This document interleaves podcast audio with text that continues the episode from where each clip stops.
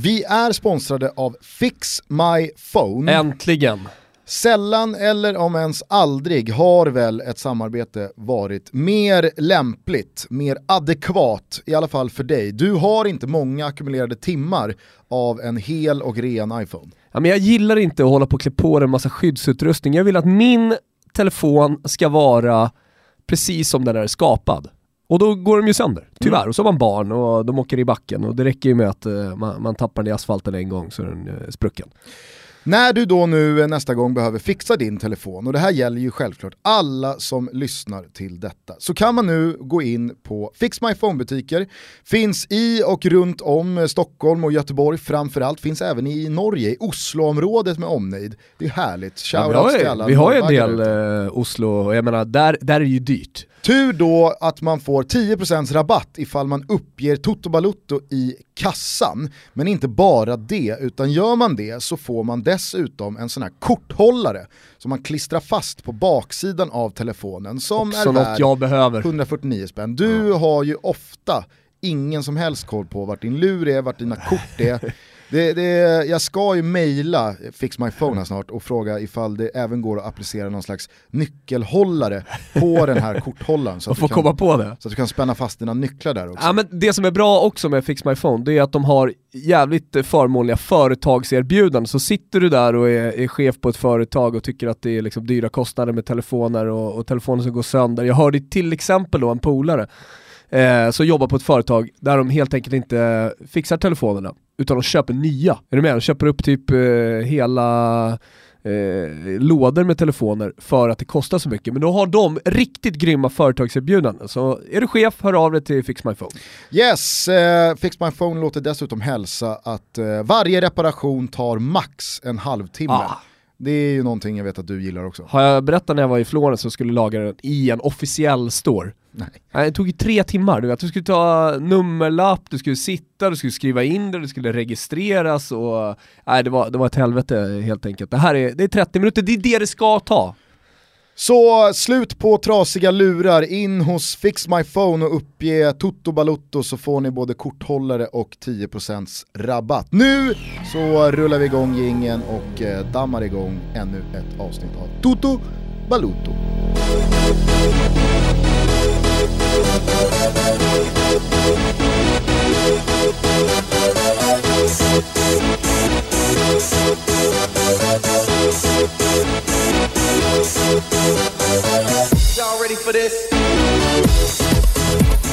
Hallå där och varmt välkomna till Toto Balutto, måndag, ny vecka och det är den här gången eh, Thomas Wilbacher som kommer med vind i seglen från sin Toto-trippel. Gratulerar!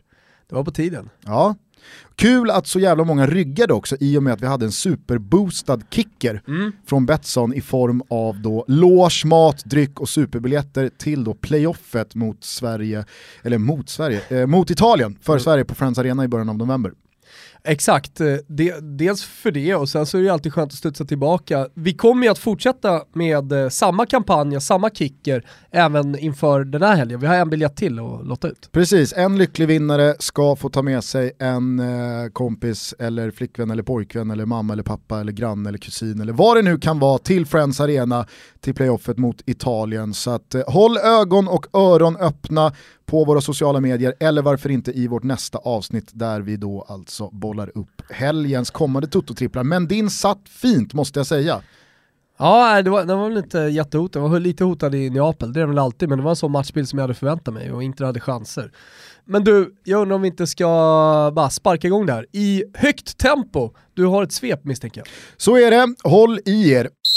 Nyexaminerade Tottenham körde av bara farten över Liverpool med 4-1 och Harry Kane fick göra sina första Premier League-mål på Wembley.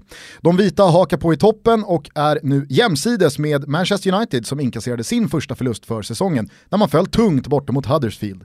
Victor Nilsson Lindelöf fick på grund av en tidig skada på Phil Jones göra sitt första ordentliga framträdande i ligan, men jag tror nog att han hellre hade suttit kvar på kvisten. Jösses vilken groda svensken stod för fram till 2-0. Utöver detta tog Arsenal en efterlängtad och övertygande seger borta mot Everton efter att för första gången ha startat med Lacazette, Özil och Alexis Sanchez. Alla nöjda, alla glada, alla målskyttar. Arsen Wenger hade en härlig födelsedag. I Spanien vann Barcelona, Real och Atletico Madrid utan att imponera och det är väl en styrka i sig, men det är faktiskt så att de tre stora får backa ännu en gång från rampljuset. Valencia gjorde det nämligen igen och den här gången var det Sevilla man klädde av med hela 4-0. Annars är ett annat utropstecken värt att lyfta. Leganes. Det lilla laget från den lilla hemmaarenan utanför Madrid gjorde i fjol sin första La Liga-säsong någonsin och utvecklingspilarna pekar rakt uppåt. Efter gårdagens 1-0 mot Bilbao ligger man på en femteplats i tabellen, detta trots bara åtta fjuttiga mål framåt på nio matcher. Men släpper man bara in 0,33 mål per match, ja då kan man ha ganska kul ändå. I Italien visade alla i Juventus utom Mario Mandzukic pannben, moral och urstyrka i bortamatchen mot Udinese. I ledning 2-1 efter bara drygt 20, minut 20 minuter tog kroaten nämligen inte bara ett, utan två gula för jidder när han tyckte att han blev robbad på en straff. Udinese tryckte på, gjorde 2-2 och såg ut att piska dit den gamla damen, men anförda av hattrick-skytten Sami Khedira sände Juve med segern 6-2 tydliga signaler till övriga lag att de aldrig ska räknas bort. Napoli och Inter spelade lika på noll, Alexander Kolarov knorrade in tre poäng till Roma, borta mot Torino och Milan misslyckades återigen att vinna, den här gången hemma mot Genoa. Leonardo Bonucci tog ett direkt rött i mitten på den första halvleken och jag vill knappt säga det, men är mittbacken sommarens hittills sämst presterande toppnyförvärv? Ja, kanske. Från Frankrike tar vi med oss ett sprakande Le Classique där det var trolleritrick från huvudstaden mot muskler och grinta från hamnstaden. Och Campos gillrade en rött kortfälla, Neymar svalde betet med hull och hår, men ändå var det PSG och Edinson Cavani som fick sista skrattet. 2-2 och Ligue 1 visade att det finns ett liv för den ligan i svensk tv även efter Zlatan. Vi avslutar i Nordamerika och MLS, hör och häpna, där Toronto FC med atommyran Sebastian Jovinko i spetsen vann grundserien i storartad stil. Flest gjorda mål av alla, 69 inspelade poäng och italienaren gick i mål på 16 plus 6. Ser vi månne Giovinco på Friends om knappt tre veckor? Nej. Va? Nej nej nej, han har ju, han har ju levererat så här ända sedan han kom till MLS. Det här, det här är ju bara en säsong av flera som eh, Jovinko slaktar den ligan. Alltså dels, det säger ju såklart någonting om honom, för att målen han gör, till exempel frisparken igår, den hade suttit mot eh, ja, världens bästa målvakt, eh, det, vilket lag som helst. Så jag menar, den edgen, den har han verkligen.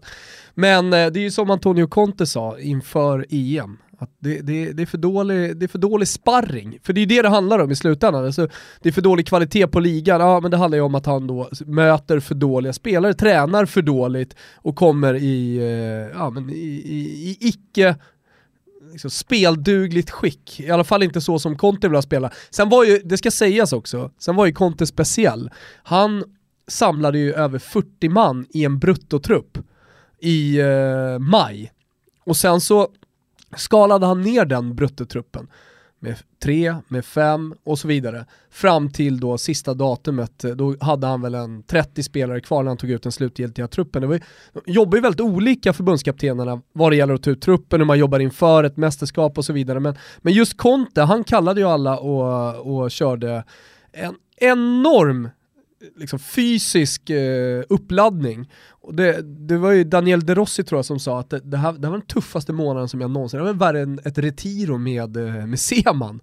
Så att, och jag, jag, tycker ju att det fick effekt, för de var jävligt bra i Italien under, under EM med ett extremt, i alla fall i sammanhanget jämfört historiskt med andra italienska landslag, men också mot andra lag så, så, så presterade man ut efter det spelarmaterialet på topp. Jag tänker framförallt på eh, åttondelsfinalmatchen där eh, mot, mot Spanien, man gjorde en riktigt bra match mot Tyskland som man åkte ut på, så ingen kommer ju komma ihåg Jatsuris EM. Eh, men, men, eh, men ändå, eh, samtidigt, jag vill bara säga det som en jämförelse, jag vet att jag pratat om det här i andra sammanhang och skrivit om det, men i, i samma veva så hade ju Sverige, alltså tio man på träningen, väntade ju in proffsen.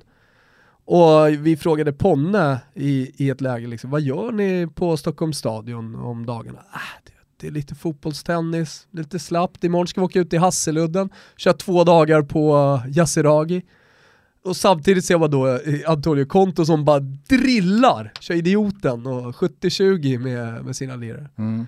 Ja, men det jag tänker det är ju att eh, konkurrenssituationen idag för eh, Giovinco är ju ändå hyfsat gynnsam med eh, Belotti skadad, Eh, det finns inte så jäkla många andra Nej, italienska Han ska i så fall in på Insignes kant och konkurrera om eh, Ja. bakplatserna där. Men, men det är som att det italienska landslaget, och de är ännu mer traditionella vad det gäller sånt. Alltså, helst vill man ju, en gång i tiden så ville man att de skulle spela i Serie A, i och med att man tyckte att det var den bästa ligan. Eh, nu för tiden så tittar man ju såklart bortom, alltså mot, lyckas man i Premier League så är man välkommen i, i La Liga och så vidare. Men, eh, men alltså MLS, nej. Du tar inte in en spelare till det italienska landslaget från MLS. Det spelar ingen roll om du gör 16 plus 6 och, och smattrar in frisparkar. Nej, Han, är, kanske inte. han, är, han kanske är på en bruttotrupp där det är 50 man. Men idag då, vad, vad skulle du hålla framför Giovinco på, eh, i, i, i anfallsleden? Chiro Immobile är ju där, Insigne är ju där. Kanske är också Tsatsa där nu efter en stark höst med Valencia. Ja men eh, alltså framförallt så säger jag att, eh, att Jovinko tar plats till vänster då i ett, Mm. ett 4-2-4 eller 4-2-3-1 hur man nu väljer att ställa upp Italien så att jag skulle inte ens eh, sätta honom i en konkurrenssituation med El. Sharawi, Ja, El Sharawi. Eh, du har eh, självklart Insigne, du har, eh, eh, vad heter det, eh, nu har han vänsterfotad visserligen men Bernardeschi, eh, du har, fan har, alltså det är ju, det, jag ska säga så här innan vi fortsätter med det här och rabbla namn nu när jag, när jag fick lite hjärnsläpp här. Men jag ska säga det att är det någonting som Italien har problem med så är det ju att fostra nästa Baggio man har alltid haft kvalitet på trekvarten i italienska landslag och man har haft kvalitet av absoluta världsklass. Man har inte det riktigt nu och det är klart att man kan ställa mycket hopp till Insigne. Han är på väg att bli, amen, jättebra, alltså vinna titlar bra. Men, men det känns som att det fortfarande är en ganska bra bit kvar innan Insigne blir någon Baggio och jag menar åren går. Det, det, han borde vinna någon titel tack vare honom redan den här säsongen. Och framförallt så måste han ju faktiskt, det är hans EM nu, eh, VM förlåt, i Ryssland. Det är nu han ska leverera, det är nu han ska vara nummer 10 och göra det, det där, den, den där berömda skillnaden offensivt liksom för Italien. Men eh, Till att börja med ska bakom honom dit. ser jag ingen riktig. Nej, och jag ser inte heller Bernadeschi som har svårt att, att få speltid i, i Juventus eh, vara ens nära någon slags hjältestatus i ett italienskt landslag i den kommande åren. Men egenskapen i sig då, att kunna bomba in frisparkar på liggande boll, hur mycket tror du eh, det verktyget i lådan eh, tar Giovinco närmare en trupp? Inte mycket. För jag tänker, där är ju konkurrenssituationen i dagens italienska landslag ganska så svag. Ja, och återigen då, speciellt om man jämför historiskt. Mm. Alltså man, man har inga utpräglade frisparksskyttar. Du har Insigne, absolut. Du, ja, vad, vad har du mer? Ja, du har inte så mycket mer. I en startelva tänker jag, där man startar med Verratti Parolo på, på centralt mittfält och så har du Kandreva på ena kanten och, och Insigne på andra. Man får väl ändå säga att De Rossi är i, i en startelva på mittfältet i Italien. Ja, med Verratti om man är, om man är skadefri, men han är ju han är ju 50% borta. Liksom. Ja, nej, alltså rent frisparksmässigt så skulle jag nog säga att eh, Giovinco är eh, den bästa eh, idag. Ja, fan. Känns som att jag missar någon här nu. Jag vet ju hur, hur Italien-runket kommer ju vara på mig, men ja, jag kanske kommer på någon. Du eh, sticker ut Men Jovinko, huvudet. äh, men Jovinko är ju grym på frisparkar, det är han. Alltså Ja. kolla hur mycket eh, han levererar, hur många frisparkar han sätter varje, varje säsong för Toronto. Så det, det, det är inget snack om. Så. Och i ett playoff-möte mot en förväntad eh, då svensk köttmur så kanske det är bra att ha eh, det lilla tricket eller trumfkortet Nej, men för Ventura att jag, spela ut. Jag, jag talade för Jovinko inför, med, med, med tanke på hur svagt det såg ut då med Eder, Pelle, eh, ja, och allt vad det var. Liksom. Det var en svag Immobile då. Eh, det, det, det, det var alltså en anfallsuppställning som var löjlig, eller hur? Alltså Simone Zaza och Graziano Pelle. Nu har ju Zaza haft fantastisk eh, höst i Valencia, visserligen. Men eh, det, det var ju ett av de, äh, det var ju väl det svagaste anfallet man någonsin har sett Mm. i italienska landslagssammanhang. Ja, mycket möjligt. Eh, hur som helst, eh, vad, vad tyckte du annars om svepet då? Är det något annat du skulle vilja stanna Ja, det- till vid? Det är ganska mycket jag skulle vilja stanna till vid den här helgen egentligen, men jag tycker nästan att vi ska ge oss på vårt nya segment redan nu. Okej, eh, det är ju nämligen så att eh, vi har fantastiska lyssnare som alltid, både genom sociala medier och mail och sms och ibland bara på stan, kommer med förslag på olika saker vi eh, borde ta upp. Dels som isolerade grejer men kanske också, som i det här fallet då, ett stående segment. Som det mesta ratar vi. Ja, det mesta ratar vi. Eh, men till exempel då så kom ju eh, Emil Holmgren här för några veckor sedan med idén om att vi borde ta ut en svensk fjärde elva. Där måste jag säga, innan vi går in på vårt nya segment, är det en spelare som jag har reagerat på i då svallvågorna kring fjärde elvan mm. så är det Brönnbys Johan Larsson. Var många som bollade upp honom. Precis, alltså, många kommer säkert ihåg Johan Larsson från eh, sina framgångsrika år i Elfsborg. Han eh, började ju egentligen eh, som eh, ytterfält. Men precis som många andra i dagens moderna fotboll så valde man att då eh, sänka ner en offensivt skicklig, kreativ spelare från kanten ner då på ytterbackspositionen. Skola upp honom lite defensivt och simsalabim så har man då en riktigt bra tvåvägsspelare.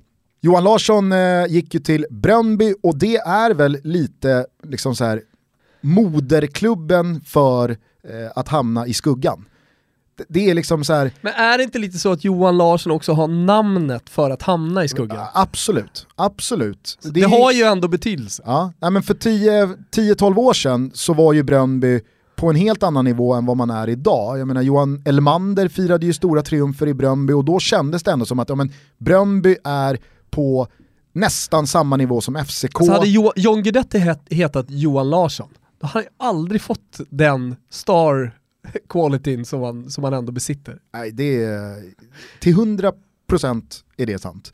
Eh, men Johan Larsson har ju kommit eh, att bli en av Brönnbys absoluta förgrundsfigurer i deras, på väg tillba- i, i deras väg tillbaka då, eh, mot eh, toppen inom dansk fotboll. Jag eh, tror till och med att han är lagkapten eh, och eh, presterar vecka ut och vecka in på en jävligt hög nivå i danska ligan. Men ändå så är han helt bortglömd i de här diskussionerna och då var det många som bollade upp det där. Och tyvärr, om man nu ska kalla det för tyvärr, så är det ju lite så att vissa spelare får helt enkelt leva med att man hamnar utanför landslagsdiskussionen och så blir det nästan som en sanning.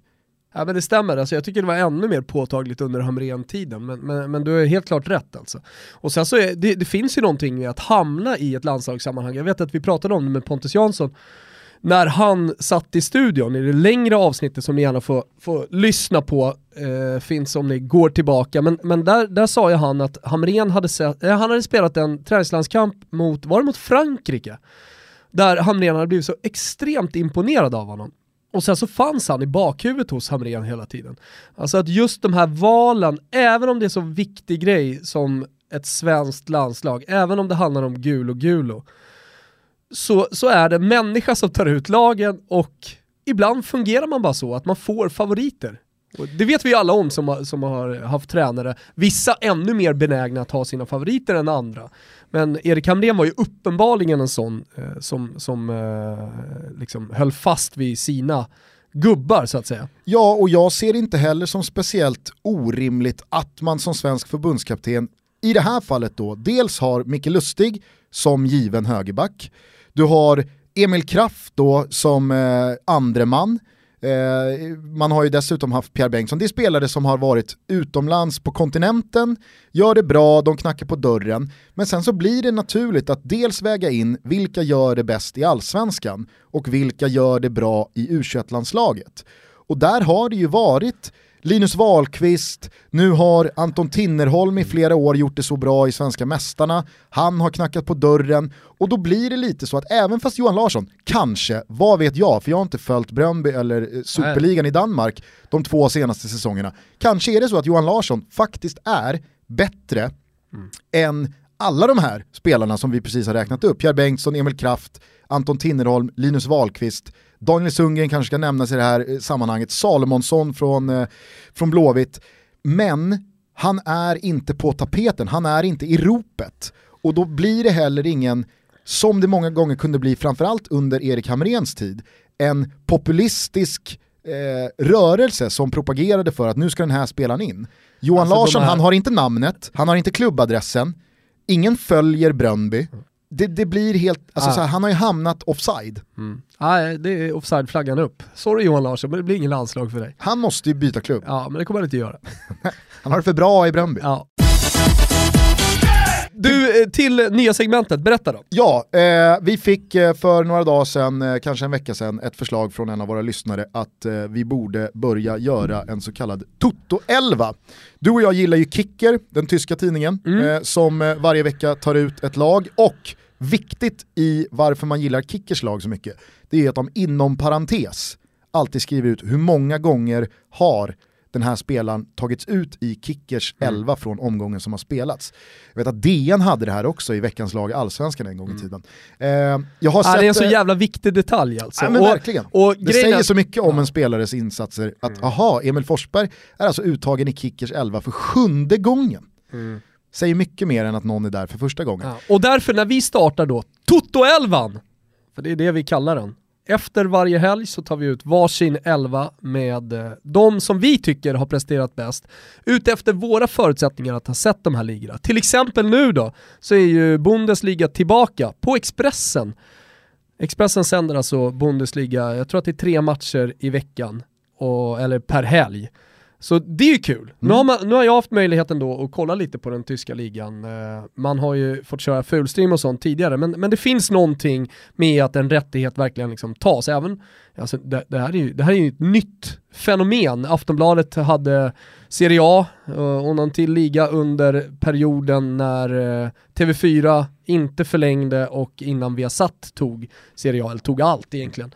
Eh, Så nu är i alla fall Bundesliga som är snordyr att köpa för tv-bolagen. Och det är också anledningen, det ska vi bara säga. Alltså det är anledningen till att inget tv-bolag har köpt det. För att tyskarna, de tror betydligt de tror att deras liga är betydligt eh, mer exklusiv än vad den faktiskt är uppe i Norden. Jag vet inte riktigt om det är tyskarna som tror det, jag tror att det snarare är liksom agent, agenturerna Nej, som nej, äger rättigheter som, det- som överskattar det. Nej, alltså tyskarna har ju först och främst satt ett pris på li ligan och sen sålt det till en agent. Så att jag menar, och sen, då har ju båda gjort fel, både agenten och ligan satt ett alldeles för högt pris. Vi snackar miljarder alltså. Tveksamt alltså om eh, tyskarna då har gjort fel i och med att de har fått det sålt. Men eh, alltså, det, det är nog inte så enkelt heller, så tyskarna torskar pengar eh, på, på ett eller annat sätt på att den inte har sålts i Norden. Jag lovar det. Det är österrikan i dig som kommer fram här nu. Ja. Men kom igen nu, nu Något till våra lag. Eh, varmt välkomna att lägga in era, era lag, alltså, men det här, det här är ju sanningen. Ja, det, vi kan- det vi sysslar med här är ju, det är ju facit, alltså Toto-elvan, det är någonting som kommer vara återkommande och vi kommer köra parentes, eller hur Gugge? Så är det. Eh, dessutom så ska det väl då för eh, bara protokollets skull säga att eh, det här är ju då relativa insatser. Det här handlar inte om liksom, vilka spelare som är bättre än några andra utan vilka som har gjort det bäst relativt sett i sin match. Jag har också gått på matcher jag har sett, jag tycker att det är svårt att eh, bedöma spelare eh, utifrån matcher som, som man inte har sett. Så att det kan vara vissa matcher, några helger som man då har missat eh, av eh, olika anledningar och då så kanske man diskas från att tas ut i Toto-elvan. De här elverna kommer dessutom kunna gå att backtracka på totobalutto.se, eller hur? Jajamensan, så att man kommer kunna följa upp det. Vill du börja eller? Eh, ja det kan jag göra. Jag har Handanovic i mål. Eh, jag vet inte hur många som såg eh, lördagsmatchen där mot eh, Napoli, men jag tycker att eh, Handanovic var helt fantastisk. Alltså, han gjorde några räddningar som var direkt matchavgörande. Och, eh, matchavgörande. Sen så är det ju så här, alltså, Handanovic är en speciell målvakt. När han får feeling, när han är bra, då är han ju en vägg. Och sen ha- har jag liksom någon, ja, jag är extra kär i målvakter som är eh, så reaktionssnabba som eh, Andanovic är. Sen är jag fullt medveten om att han också kan liksom släppa lite dåliga returer någon gång ibland och han har väl sina svagheter. Men, men eh, om man stannar på den italienska ligan så är ju Perin annars en sån målvakt som, som ena stunden gör, ja men han är en vägg, han gör omöjliga räddningar, mirakel. Och eh, andra matchen så, så släpper han in eh, bollar mellan benen. Så att, eh, ja. På Handanovic, är det möjligtvis eh, världens bästa målvakt som inte är given i sitt landslag? ja, det tycker jag. Det tycker jag verkligen. Han har ju alltså Atletico Madrids Jan Oblak framför Som sig. de har det förspänt på målvaktspositionen i Slovenien. Ödets Kan ironi, för ett, en ödets ironi för ett fotbollsland som Slovenien, att de har två toppklasskeeprar, men Ja. resten är sådär. Det är bara en tidsfråga innan Qatar värvar Handanovic. Ja. Eh, men jag har Andreas Andersson det är också ett sånt där namn som inte sticker ut. Det finns ingen riktig sexighet i det. Men Östersund gjorde ett par alltså, miniroteringar. Tar du in allsvenska spelare? I Såklart. Varför ska jag inte göra det? Det är dock min enda, min en, mitt enda allsvenska liksom bidrag. diskvalificerade på grund av att det är en så dålig liga. Ja, nej, ja, det var ju det jag bollade upp här som jo, en förutsättning, jag, att det är relativa förutsättningar. Ja. Eh, Andreas Andersson eh, spikade igen borta mot Blåvitt när Östersund tog ännu en meriterande seger. Eh, man gjorde ju ett par miniroteringar, Keita har ju eh, stått för jo, åtskilliga superinsatser den här hösten, men Andreas Andersson, ah, jag gillar när han kommer in och, och spikar igen. Helt otroligt. Ja. Men, fast här måste man ju också säga så här, matcherna som jag såg, där var det inte speciellt många målvakter som stack ut. Det måste ju ha någon i, i, i mål. Ah, ja, okej. Okay. Det är helt okej. Okay. Jag har en eh, trebackslinje. Okay, jag spelar 3-5-2. Kör då. Jag har eh, Otamendi från Manchester City. Eh, nolla, återigen mål framåt, ser mer och mer ut. Det här ut. måste gå lite snabbare ja, Gusten. Ser mer och mer ut som eh, arvtagaren då ja. efter eh, kompani ja, i den backlinjen. Jag har Skriniar från eh, Inter, mm. eh, lite på samma eh, tema som du motiverar Handanovic. Och jag har Alexander Kolarov eh, Romas eh, vänsterback som återigen knorrade in en frispark och visade att han har en av Europas absolut bästa frisparksfötter. Okay. Eh, Lustig gjorde sin 200 match för Celtic. Han det kan också... ju inte vara liksom ett, eh, en anledning till att ta ut honom i Toto-11. Nej nej, men han gjorde också två mål. Ja det gjorde han. Ja, och han var otroligt bra i den matchen. Eh, och det kanske är det jag hånade precis med allsvenskan, här får jag tillbaka det direkt. jag väljer från den skotska ligan. Men jag tycker att Lustig är värd en plats här. Eh, Skriniar, Otamendi, och Wendel. Det är roligt att vi har båda mittlåsen. Alltså jag kollade på han Diop i Toulouse som gjorde en superinsats. Jag såg inte matchen men jag förstod att han var jättebra, så jag gick in och, och försökte hitta, men, men nej, jag, jag, tycker också att det finns någonting symboliskt med att den första Toto-elvan, att ha med Skriniar, för jag tror att det är nästa stora, stora världsback. Ja. Det, han är en general, alltså han är en Vidic typ, som, som eh, alla kommer vilja ha. Och sett till mitt svep där, jag bollade upp eh, Bonucci som kanske Mm. Den hittills största floppvärvningen av eh, de profilerade nyförvärven till de större klubbarna så är ju Skriniar ja, raka motsatsen. Ja men exakt, lite hånat när han kom. Hallå, kolla här vad Milan gör, de tar Bonucci, vi tar, vi tar Skriniar från eh, Sampdoria. Men imponerad av honom i fjol och jag tycker att det känns symboliskt att ta med honom. Sen är jag Wendel, vänsterbacken i kusarna. Eh, det, är dels en spelartyp som eh, jag tycker är skön, eh, sen så är det någonting roligt också. Nu gjorde han en jättebra match, han gjorde mål bland annat och kusarna studsade tillbaka, vann stort. Extra härligt att de gör det då mot Mönchengladbach som har blivit lite av Toto Balutos hatlag eftersom de driver så mycket med sig själva. Det, det, finns en viss dos av det med här när jag väljer Wendel också. Ja. Och sen på vänsterbacken i, i Mönchengladbach spelar ju Oskar Wendt. Han får ju inte då plats här. Nej men Wendel, eh, när man säger Wendel och när folk lyssnar här nu så, så kan jag tänka mig att många, tänk, att, att många ser framför sig en blond tysk. Med namnet, han spelar i Leverkusen och så vidare. Ja. Men det här är ju alltså en brasse. En eh, ja, men typisk brasiliansk ytterback snabb, löpvillig, bra teknisk, fin vänsterdoja. Skulle, han är född 93, men han skulle eventuellt kunna bli liksom ett namn för en stor klubb. Ja. Håll utkik eh, då ja. på Wendel den här säsongen. Jag har ett, eh, ett, eh, alltså ett, ett lås på mittfältet ja. som är Luis Gustavo från Olympic Marseille och mm. Sami Khedira. Alla ni som såg eh, Le Classique, alltså Marseille mot PSG igår kväll, såg ju Luis Gustavo leda hemmatrupperna, gjorde ju mål, var fantastisk i eh, det defensiva spelet. Eh, men det, det, var en imponerande insats. Och sen Sami Khedira, ja, gör man hattrick ja. så gör man Säsongens hattrick. första. Eller förlåt, karriärens första hattrick, tror jag de skrev. Det är väl, det känns inte orimligt. Nej, men eh, jag är ganska säker på att det var det. Senast jag såg Sami Khedira eh, liksom dyka upp flertalet gånger i eh, ett målprotokoll, det var väl när eh, Tyskland pulveriserade Brasilien med 7-1 i VM-semifinalen. På tal om riktigt bra värvningar, när han kom till Juventus så pratade ju alla om att han skulle bara vara skadad, han, eh, den där den här gubben är slut, sa man om eh, Kedira. Och visst, han har, han har varit skadad till och från lite grann, men inte så mycket som folk hade förväntat sig. Framförallt så har han varit otroligt bra för Juventus. Ja, alltså i deras Champions League-framgångar eh, så har han ju varit otroligt ja. viktig. Jag minns i våras där när han brottades med en baksideskada. Mm. Och det verkligen märktes på mm. Juventus att de var ett helt annat du, lag utan Kedira. Jag ska säga det att jag var ju sugen på att välja in Daniele Bonera i, ja. i, i mitt Han kom ju in för Villarreal. Jag satt och kollade hela den matchen faktiskt. Ja, du gjorde det? Ja.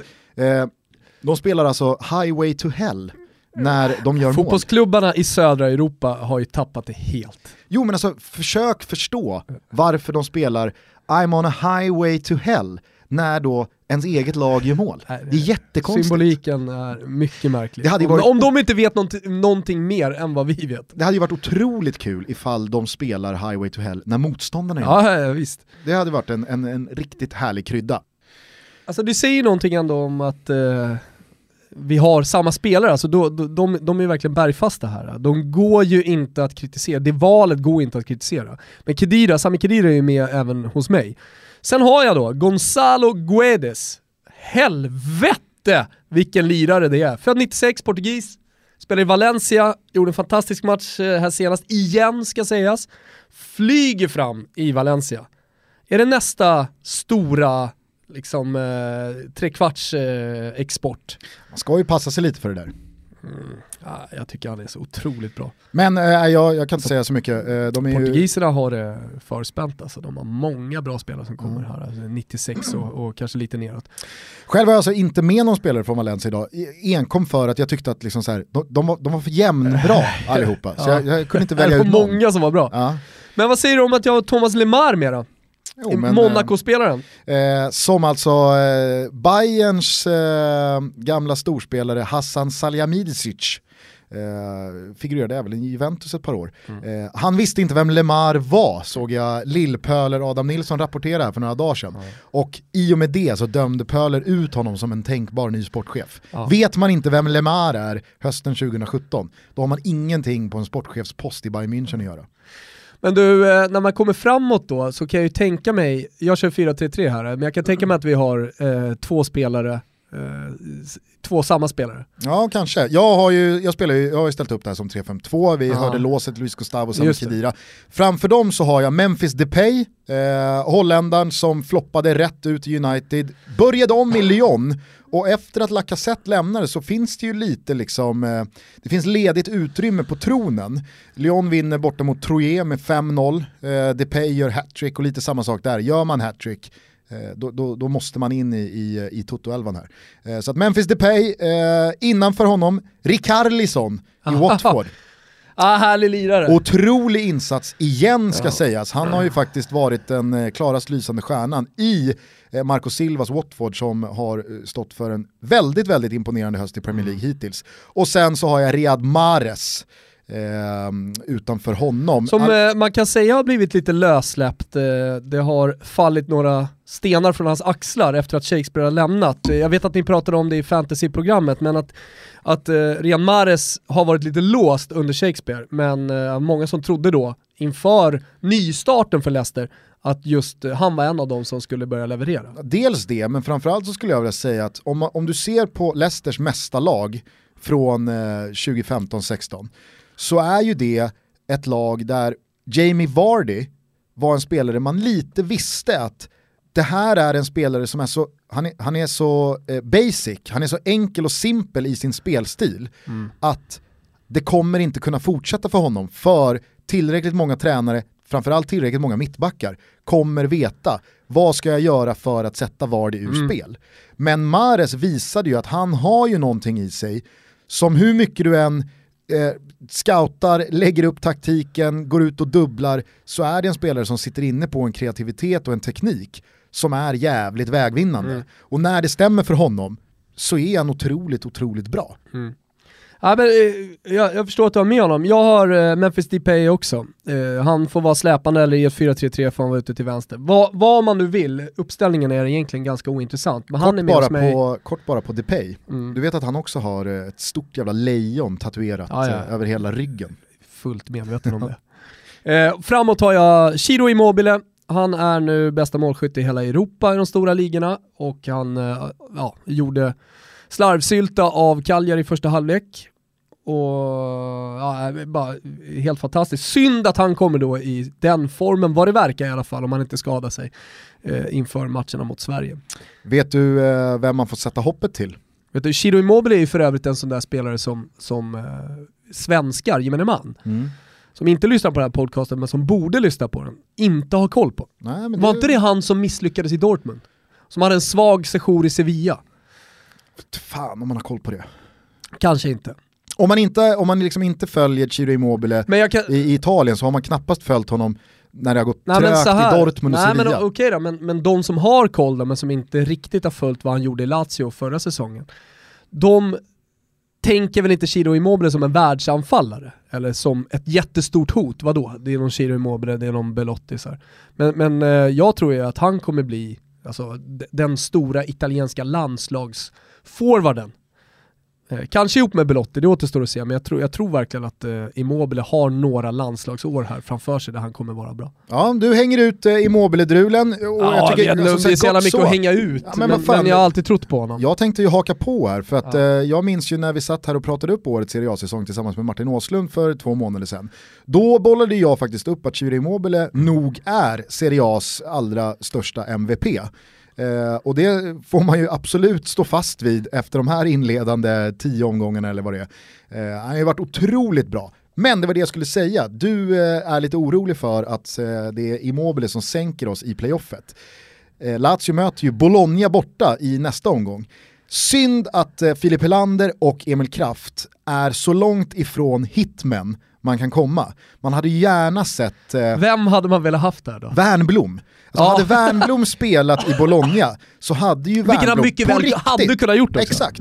Men han hade också på riktigt kunnat, fullt medvetet, ha liksom sparkat av benet på Immobile.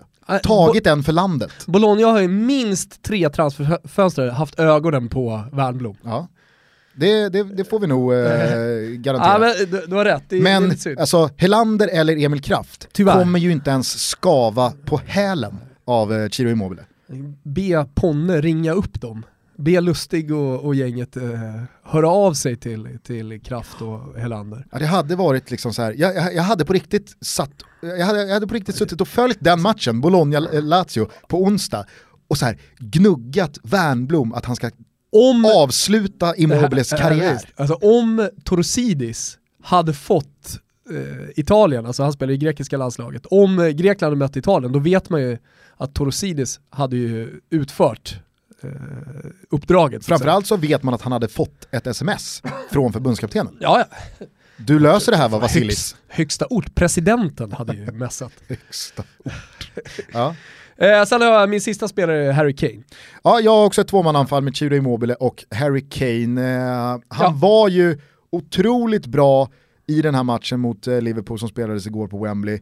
Och jag vet inte eh, hur mycket man ska plugga för vårt fantasyprogram, men jag satt där i torsdags i alla fall och rekommenderade alla som hade Harry Kane att ha honom som lagkapten. Trots att motståndet hette Liverpool. Manchester City hade ju till exempel då en lätt match eh, hemma mot Burnley och så vidare. Men det är ju någonting med Harry Kane att han lite har fått slagits mot, om han, ja, men han gör hattrick mot eh, de lite mindre klubbarna och sen i, i, de större matcherna så har han en tendens att falla ifrån, förutom då London-derbyn mot Arsenal, där är han mm. otroligt bra jämt och gör minst två mål. Men jag tror att han själv vet att nu när det har börjat diskuteras om Harry Kane som en av världens absolut bästa anfallare. Det snackas Real Madrid, vi har suttit här och pratat om eh, Icardi, Lewandowski, är Harry Kane en av de tre, fem bästa mm. niorna i världen? Du har bollat upp Benzema, många har hånat dig för det. bollat upp Benzema. Skärgårdskryssning, tre bärs in. Ja, jag la ju ut det på vår Instagram, att du eh, sitter och ångrar det. jag satt där tre bärs in och bara sa någonting för att provocera. Och nu har man fått bära det oket Men en sak som månader. ska sägas med, med Benzema, det är ju att, eh, och det vet jag, det är många som har skrivit till oss också, men, men det är att Cristiano Ronaldo blir så otroligt mycket bättre. För han gör någonting med spelet, han är en referenspunkt framåt, han, eh, han ger Cristiano Ronaldo de berömda ytorna att göra som han vill. Och det ska man fan inte underskatta. Sätt Benzema i Tottenham så tror jag att han skulle göra betydligt fler mål. Sen ska, det, sen ska det faktiskt också säga så här, min brorsa Isak, han har ju i många, många år förespråkat Karim Benzema och då lite elitistiskt distanserat sig från gemene fotbollstittare och sagt det är ingen som förstår hur bra Benzema är i det defensiva spelet. Eh, men det jag skulle säga då med Harry Kane är att jag tror att han själv vet att ska man ta steget in i det absoluta finrummet och vara en av de absolut bästa anfallarna och verkligen göra skäl för det, så måste du ett, börja göra mål i de stora matcherna. Du måste börja lyfta lite bucklor och du måste eh, producera kontinuerligt i de här uppdragen. Kolla, Harry, alltså han har ju gjort sina mål i landslaget, men vart var han någonstans i EM? Eh, I Champions League så vet vi hur hårt eh, Tottenham floppade i fjol. Nu har man börjat den här säsongen på ett helt annat sätt. Han är strålande borta mot Real Madrid. Nu gör han dessutom två mål i en sån här match mot Liverpool. Ah, det våras för Harry Kane alltså. Det våras för Harry Kane den enda elvan som ni behöver bry er om från och med nu, det är inte Kicker-elvan, det är inte Gazettans elva, utan det är alltså Toto-elvan. In och diskutera om ni så vill på sociala medier. Min är alltså med Handanovic i mål, Lustig, Skriniar, Otamendi, Wendel, Lemar Kedira, Gonzalo Guedes, Depay och eh, Immobile Harry Kane. Och Gugges är... Jag ställer upp i en 3-5-2. Andreas Andersson i mål, Otamendi, Skriniar, Kolarov där bak, Luis Gustavo, Sami Khedira, lås på fältet, Depay, Rikarlison och Mares framför dem och så längst fram Chiro Immobile och Harry Kane. Ska vi sätta en tränare?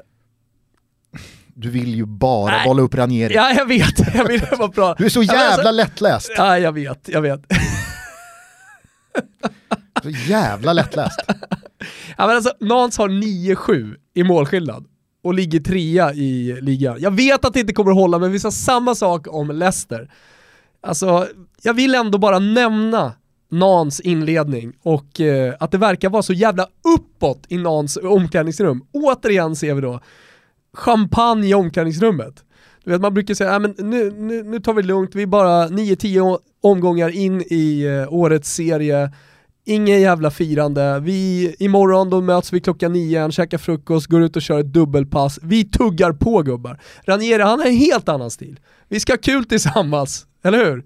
Alltså det är ju den tränare man helst av allt vill ha, vad det verkar i alla fall. Framförallt så tror jag att ligatiteln med Leicester har gjort Ranieri till en annan människa. Jag tror att han efter den ligatiteln ser lite på livet som ja. att jag, alltså jag kommer aldrig toppa det jag gjorde med Leicester, så låt oss istället njuta av varenda jävla seger. Ja. Sen kan han säkert vara hård också, men med 9-7 i målskillnad efter nio matcher, eller om det är tio matcher, en tredje plats i Ligue 1. Är han månne den coachen i världen som är det du kallade för ett Malmö FF för då i Allsvenskan, bäst på att vinna? Ja, är han det? Han är nog fan, utifrån förutsättningarna, den coach som är bäst på att vinna matcher. På tal om det grekiska landslaget så vet man ju att... Den före för... detta nummer två, alltså eviga tvåan, Claudio Ranieri, han är bäst på att vinna numera. Fan det är starkt ju. På tal om då det grekiska landslaget så tror jag att det förbundet inte håller med om att Ranieri är bäst på att vinna. Han gjorde ju ett fiaskokval med eh, Grekland innan han kom till Leicester. Jag bollar då istället upp eh, Asier Garitano som eh, omgångens tränare. Och det är ju tränaren för det laget som jag lyfte i mitt svep, nämligen Leganes. Eh, den här 47-åriga spanjoren hade ju noll karriär att eh, tala om. Uh, han höll till i liksom, okay. uh, brödgäng som uh, Så Cadiz, låt oss inte tala om den. ja, men det, är, det är liksom ingen, det är ingen, spel, eller det är ingen tränare som har en spelarbakgrund mm. som, som är värd att nämna. Heller inga lag på tränar-CVt som borgade för den här succén. Han har haft Leganes sedan 2013 och ja, men resultaten talar ju för sig själv. Nu gör man alltså klubbens andra säsong i La Liga någonsin, man kom upp i fjol och efter nio matcher så parkerar man alltså på eh, en femte plats. Och även fast man inte har gjort speciellt många mål så har man alltså bara släppt in tre mål på nio matcher. Och jag tycker att i kölvattnet då till nykomlingar som kommer upp och är så jävla frejdiga. Du vet som kommer upp och charmar en liga, som gör det så bra framåt. Och man öser in mål och man får nya favoriter för att någon spelare gör mål och assist hela tiden. Så i det här, det finns något fräscht i att Leganes, de tar La Liga och Fotbollseuropa med storm genom att spela så jävla cyniskt försvarsspel. ja, det är det. Alltså jag tycker att det är lite för uppåt. Jag vet att många kommer höra av sig och säga, ja men du vet, Englandsrunket kommer bolla upp Glenn Murray. Varför är inte han med? Han var ju fantastisk, Brightons anfallare som gjorde mål där och, och så vidare. Men eh, det, det, är ju bara kul, in och, in och diskutera. Jag vill, på grund av att det är så jävla uppåt just nu här i podden, slänga in en stekhet slev gulasch. Yes. Den är verkligen kanske helt obetydlig, men jag är så jävla trött på det! Vet du vad det är? Nej. Det är den iranska Leo Messi. Alltså jag pallar inte se en bild till på den iranska Leo Messi. Nu dök han upp i mitt Twitterflöde återigen i helgen på någon jävla läktare någonstans i Europa. Och det enda han är, det är att han är lik Messi. Han har ju också träffat Messi vid något tillfälle och man ser ju bara, stick härifrån. Mm.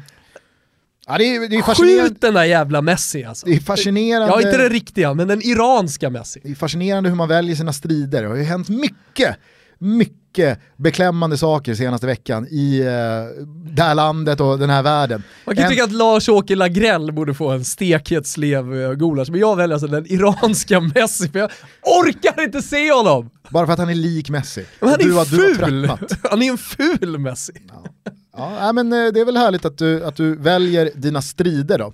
Eh, jag tänkte att eh, jag bara skulle vilja bolla upp eh, situationen när vet Neymar... Du, vet du vad iranska Messi är? Han är, han är kvalvaka. Det var kul en gång, men nu har de dragit det för många varv. Ja. Alltså nu, nu kommer ju liksom an, anställas, han kommer liksom gå på faktura på företag. Vi har hyrt in Messi, eller den iranska Messi, han som är lik Messi, som får vara med på vårt event här. Mm. Eh, ja. Han tjänar cash på det. Det är ju lite som eh, när det gick inflation i folk som imiterade Zlatan. Ja. Kommer du ihåg det? Ja, alltså precis som det har gått inflation i folk som eh, härmar Niklas Holmgren. Alltså vem som helst kan väl säga ja det är mål! Men det är aldrig ens likt. Knappt två plus där. Nej men jag vet, men det, så låter ju alla, alla skriker det är mål, titta här, titta där! Det är Martin Heinius på Expressen. Han härmar alltid Niklas Holmgren. Sluta med det, Martin Heinius. Eh, nej men eh, alltså så här, ingen borde någonsin ha försökt härma Zlatan igen efter att, nu minns jag inte vad han hette, eh, utgav sig för att vara Zlatan och ringde upp Josef Elanga. Kan vi lyssna snabbt på hur det lät? Ja. Ja, det var Zlatan. Allt bra med dig eller?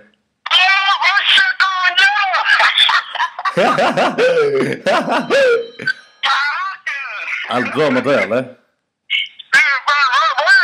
Nej, jag är inte så mycket. Men jag har kommit hem en sväng och softat lite hos mina kusiner. Jaha! Jag har läst lite om det och jag menar jag känner det också. Så jag tänkte om du ville jobba som uh, för scout för PSG. Jag menar de har snackat lite med mig och de vill ha en som är, som är bra alltså. Så det ska vara någonting ja. bra. Ja, jag, jag är jätteintresserad på Sanjero, du vet om det. är du intresserad av det eller pengarna eller? Nej, det, du vet, det handlar inte om pengar. Men det, alltså, när, man, när, man har, när man har kvalitet, när man, om man söker kvalitet så det är... Nej, absolut. Absolut. Absolut. Absolut. Nej men det är rätt, jag skojar lite bara. Det är inte bara pengarna som är, som är det viktiga. Ja, precis. precis. Men, men eh, jag tänkte på jag har snackat lite med dem och som du vet så är det shejker, jag menar de är araber, de har mycket pengar. Varför tror du jag nej.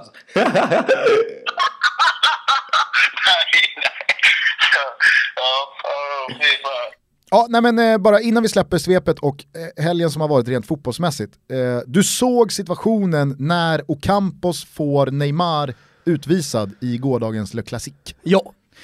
Det är ju, tycker jag, en, en väldigt intressant situation för Neymars reaktion mm. är så jävla fem plus. jag har ju tagit lite strid för att, ja men det finns, dels så finns det ingen regelbok, utan det finns bara tolkningar av regelboken. Det här moralkompasset som väldigt många har börjat det, skrika efter inom fotbollen. Det har jag aldrig känt igen mig i. Eh, och sen det här hyckleriet, varför man tycker spelare är svin och inte, det är ju de som, ja, men in, alltså, som delar ut jävligt mycket tjuvsmällar, spelar fult, spelar grisigt, men inte kan ta det själva. Neymar har ju genom alla år alltså absolut filmat och det har dragit i tröjor och det har delats ut lite tjuvsmällar och det har tjafsat som fan. Eh, Lustig är ju ett vittne på det. Men igår när då Neymar åker på den här eh, liksom, eh, taktiken själv från Ocampos i Marseille. Man ligger under med 2-1, han gör bort två spelare i en kontring, får frisparken och Campos går dit och liksom sänker honom och då ruttnar ju Neymar. Och Campos vill ju bara, kom nu och stöt i mig så kommer jag få dig utvisad för Neymar sitter redan på ett gult kort. Och Neymar kan ju inte hålla sig, gå fram, brösta ner honom och Campos överdriver så det bara sjunger om det, men domaren lämnar ju inget val, han måste dela ut ett gult kort till Neymar. Han får sitt andra röda. Och Neymar vet ju, han tjafsar inte emot, han tycker inte att Ocampos är grisig, snarare går han fram och kramar om Ocampos, klappar honom på kinden och nästan vet att där spelade du ut mig. Där stod du för ett schackdrag som jag så många gånger har dragit. Jag har också fått spelare utvisad genom att grisa till det så här.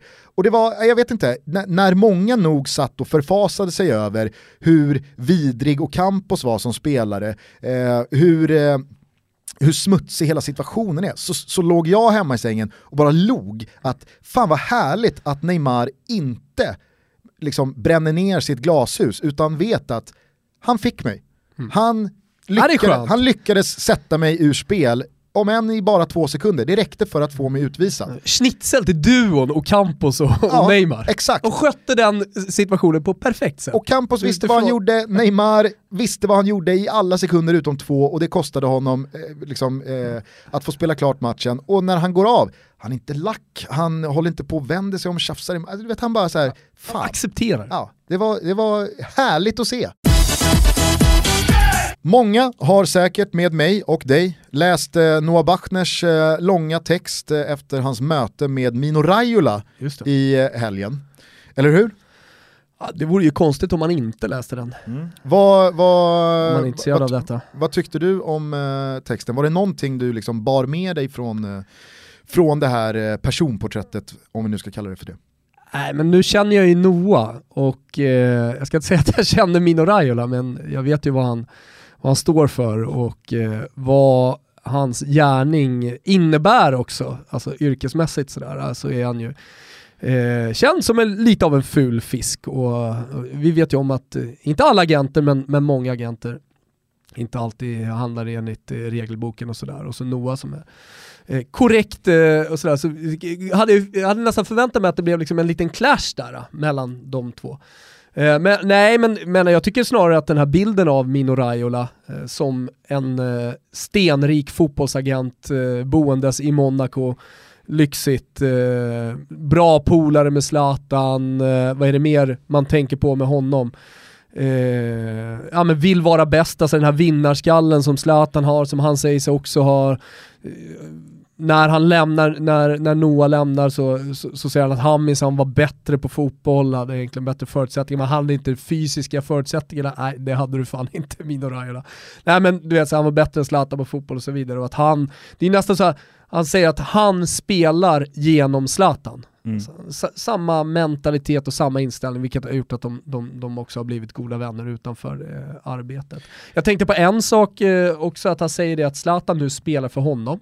Så jag, jag, jag förstod inte riktigt eh, om, om, det, om det faktiskt är så att hans, Zlatans lön går in på Mino Raiolas konto. Ja, men du, tangerar, du tangerar en av de två sakerna jag bär med mig från att ha läst den här texten. Ja. Eh, men jag tänkte börja i eh, en annan grej och det är när han pratar om hur man ser på svarta spelare. Mm. Eh, för att Mino Raiola representerar ju framförallt, om vi pratar svarta spelare, Paul Pogba, Romelu Lukaku, Eh, Eh, och Mario Balotelli. Eh, Matuidi också va.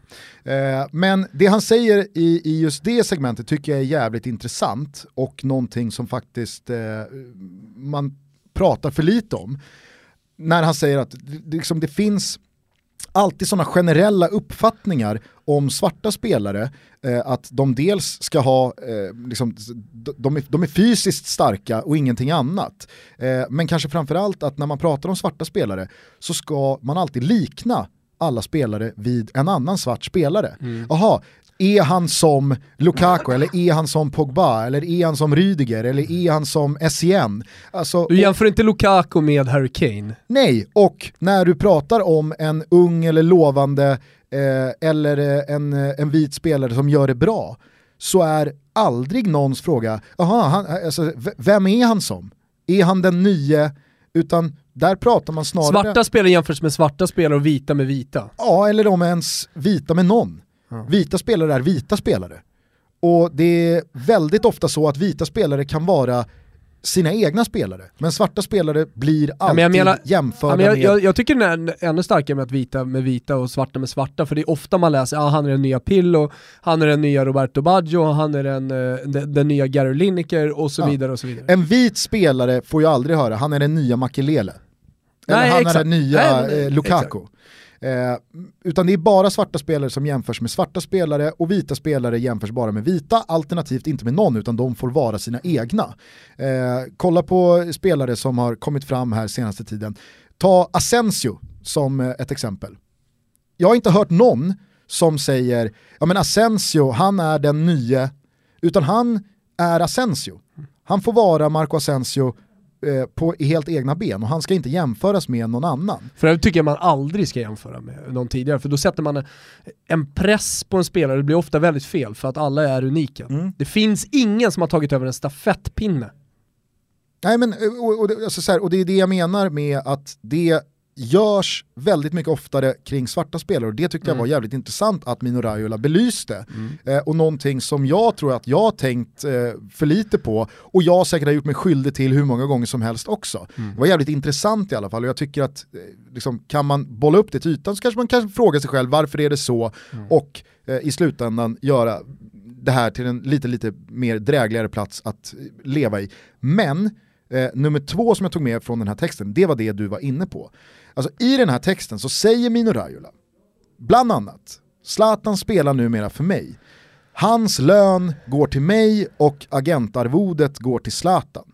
Han säger att den här skadan har inte påverkat Zlatan på något sätt negativt utan han har bara blivit starkare och eh, frågar du mig nu så hade jag inte haft, eh, jag hade inte velat ha den ogjord. Men framförallt så säger Mino Raiola på frågan hur länge ser du Zlatan spela? Så säger han, "Nej, men jag tror han, han kommer spela i 5-6 år till. Och Det är han skyldig mig lite grann Ja, också, det han skyldig Ja. mig, nu ska jag casha ut på honom. Och det är här jag liksom landar i vad de här två har lyckats åstadkomma. De här två, Mino Raiola och Zlatan, har tillsammans som duo i alla sina ord om Zlatans karriär totalt bara blåst ut all trovärdighet. Det går inte längre att veta vad som är konkreta sanningar och vad som bara är eh, jargong, vad som bara är liksom spel för galleriet, vad som bara är tomma ord. Jag menar, vilken annan agent i världen kan säga om en spelare, ja men han kommer spela i fem år till, och du tror inte på det. Det är bara Raiola och Zlatan som har lyckats liksom så här. de säger ju jävligt konkreta stora saker, men ändå så sitter man och läser det där och nästan liksom fnyser till och, och rycker på axlarna. För att så här, jag, jag tror inte på ett ord. Jag tror inte på ett enda ord som sägs. Man vet inte längre. Och det är heller inte så att du vet att det här är lögn. Eller det här bara snackar han skit om. Det här är bara jargong. Det har liksom blivit, de har lyckats lyfta ur all rim och reson och rimlighet och sannolikhet från orden de säger om varandra och kanske framförallt Men, sen, men sen, karriär. sen kan, sen kan jag känna så här, lite också att så, så, ska man veta allt då? Må, må, måste vi veta exakt hur den ekonomiska situationen ser ut för, alltså mellan Mino Raiola och Zlatan Ibrahimovic? Det är väl upp till dem att liksom lösa det. Om Zlatans lön går till Raiola så går väl den dit. Alltså det, Ja, det är egentligen absolut. helt ointressant. Nej, inte alltså så här, i, i sak, ja, kanske, absolut. Men, förstå vad jag menar, att liksom alla ord som kommer ur Mino Raiolas mun om Zlatan, eller om Sla, ur Zlatans mun om sig själv, eller ur Zlatans mun om Mino Raiola, Ja, jag har, nått, har nått en nivå av bara helt tomma, meningslösa ord, för du vet inte Nej. vad du ska göra med dem. Nej. De blir bara liksom så här, det är nästan så att man ska fråga sig existentiella frågor. Finns de här orden överhuvudtaget? Jag menar, när du, när, när, Mino, när du läser att Mino, Ra- Mino Raiola säger att Zlatan. Zlatan kommer spela i 5-6 år till. Det är ju ingenting. Nej. Det finns ingenting i de orden. Nej, och, äh, men, precis, äh, men man, det, det, det, har ju med att göra att man inte litar på dem, och det som jag sa innan här, att det, jag, jag trodde på en clash mellan Noah och, och, och Mino, eh, med tanke på att Mino då, ja, men en grej som kom upp i år som, som också är, eh, eh som, som, som blev i alla fall diskuterad, folk snackade om det, var ju det här med att Zlatans knä var så starkt och så rent för att ha gått igenom en 35-årig fotbollskarriär, att den här uh, Wu heter han va? Freddy Foo. Freddy Foo heter han, Freddy Foo. Som för övrigt eh, Mino Raiola självklart då eh, hade rekommenderat för Zlatan, eller bestämt att Zlatan skulle operera sig där. Att han ville forska i alla fall på Zlatans knä. Och den här frågan kom ju såklart upp eh, eh från, från Noah, varpå han eh, då återigen då fastställer att jo jo, men Freddy Foo är sugen på att forska. Men Zlatan kommer ju aldrig åka tillbaka till staterna till Freddy Foo. Pittsburgh. Och, Pittsburgh, han kommer aldrig åka till Pittsburgh överhuvudtaget någonsin igen. Så jävla... Framförallt inte för att någon jävel ska forska på hans knä. Nej, men som Pittsburgh rimmar med en knäforskarstad. Det gör det. Nej, men det jag ville landa i är att det Mino Raiola tillsammans med Zlatan har lyckats med, det är någon slags jävla masterclass i mediaträning. De har liksom eleverat inga kommentarer och klyschor ja, till 2.0. Ja, men de, att de, de, är numera på en nivå att de kan säga vad som helst. De kan till och med säga liksom rubriker, de kan leverera nyheter, de kan leverera monstersägningar. Och ändå så står vi där som konsumenter och vet inte vad vi ska göra med Nej. de orden. För de betyder kanske ingenting. Nej.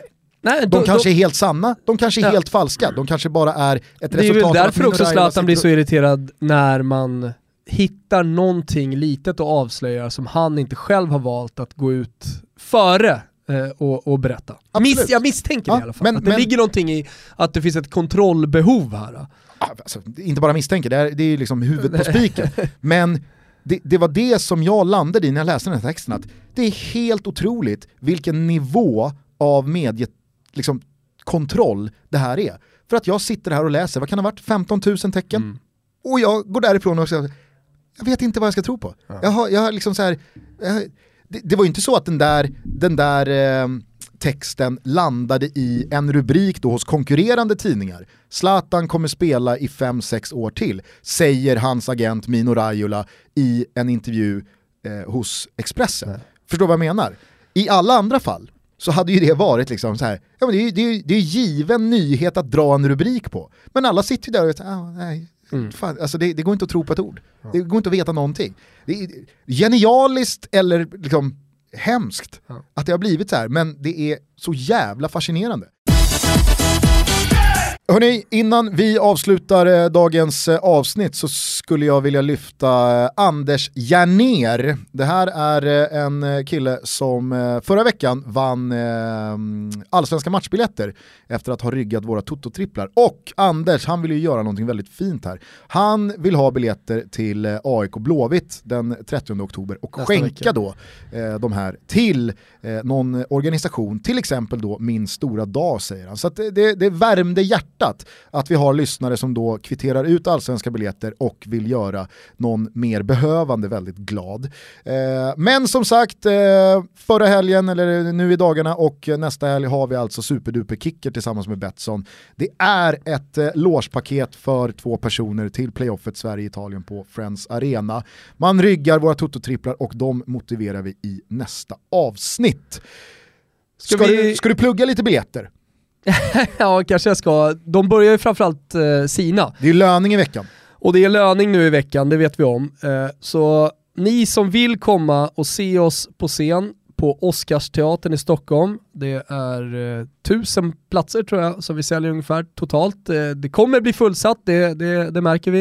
Eh, det finns fortfarande bra biljetter kvar. Vi eh, tycker fortfarande också att eh, andra balkong är någonting som man borde titta på. Så måste man gå in och checka dem nu. Man går in på totobaloto.se, där finns det länk, eller hur? Ja, alternativt ja. direktlänk då via våra sociala medier. Exakt, finns också. Eh, vi, vi håller på att planera här nu och det är jävligt roligt ska jag säga att sitta i det här planeringsstadiet med gäster som vi ska ha med upp, för det kommer ju bli ett hundrade avsnitt. Eh, det kommer bli lite som, det kan vi säga, alltså det kommer bli lite som ett poddavsnitt som vi då jackar upp och gör en deluxe-version av. Ska man kanske kalla det för en kabaré? Kabaré. En Toto-kabaré. Fan är ens en kabaré? Ja. Men det, det, är väl just det som en kabaré är, ingen riktigt vet vad en kabaré ja, men det är. blir en hejdundrande kväll. Ni kommer kunna dricka lite bärs, ni kommer kunna ha kul, eh, vi ska ha roligt på scenen och försöka se till så att ni har eh, några timmar eh, av eh, ja, men rent nöje. Vi kan väl avslöja att ett av förslagen som är uppe på bordet det är att vi ska hyra in eh, Bosse, Bosse Pettersson, eh, som bara ska sitta vid ett träbord eh, på en blåvit rutig grekisk duk i hörnet av scenen och dricka Oso. Ja. Han ska inte vara med, han ska inte vara med, han ska inte vara med i samtalet. Det är, det är en av de bästa idéerna. Ja. Bosse du får fakturera tre lax om du bara sitter här och dricker Oso i hörnet av scenen. Ja. Det är, nej, det för, för bidra med, vi älskar ju att se bilder där, där Bosse är i Grekland och sitter ja, vid ett bord ensam och bara med ett litet glas uh, Oso. Ja. Det hade varit fantastiskt att få uppleva det på plats. Ja, nej, som sagt, miljön. det är en av uh, idéerna som ligger på ritbordet inför Toto Balutto avsnitt 100, alltså den 6 december på Oscarsteatern. Säkra era biljetter nu innan de tar slut. Eh, det, det, kommer vara en jävla pangkväll att vara med om så att, eh, stå inte där om några veckor och häng läpp för att det är slutsålt. Eh, vill ni oss någonting så finns vi på sociala medier och eh, totobalutto.gmail.com eh, Nu säger vi tack och hej för den här gången och eh, på återhörande. Tack och hej, leverpastej. Ciao tutti. Ciao tutti.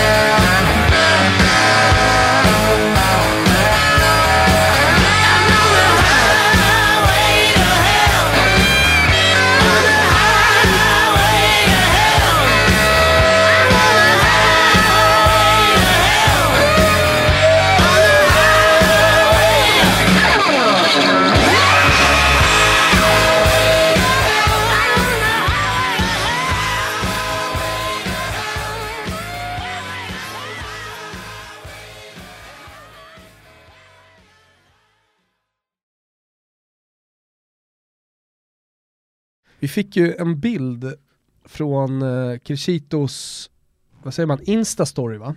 Mm. Från uh, Jonte Pettersson. Som för övrigt, vi ska skicka uh, fotbollens heraldik som han vann för ett år sedan. Ja. ja kanske ska ta tag i den. Den är på G. den ligger också på ritbordet. Nej, den är på G. Den, den är på G.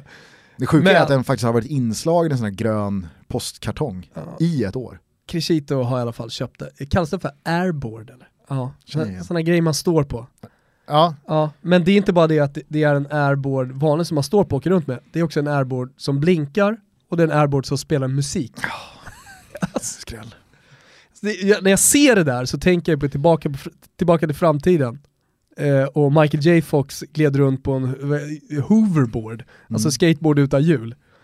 Ja, nej, det, det, det är ju som Jonte Pettersson skriver här. Det är ju ett slags vaniljklimax. Han har ju förutom det också satt en, en hatt på sig själv. Ja. Alltså, inte, alltså ingen, ingen hatt. Han har inte gått och blivit med hatt, Nej. utan han har då lagt till en sån emoji-hatt. Ja, liksom. det är klart. Det är klart. Mimmo kommer ju aldrig ta sig in i en Toto 11. Det ska till en jävla insats för att Mimmo ska in i en Toto 11.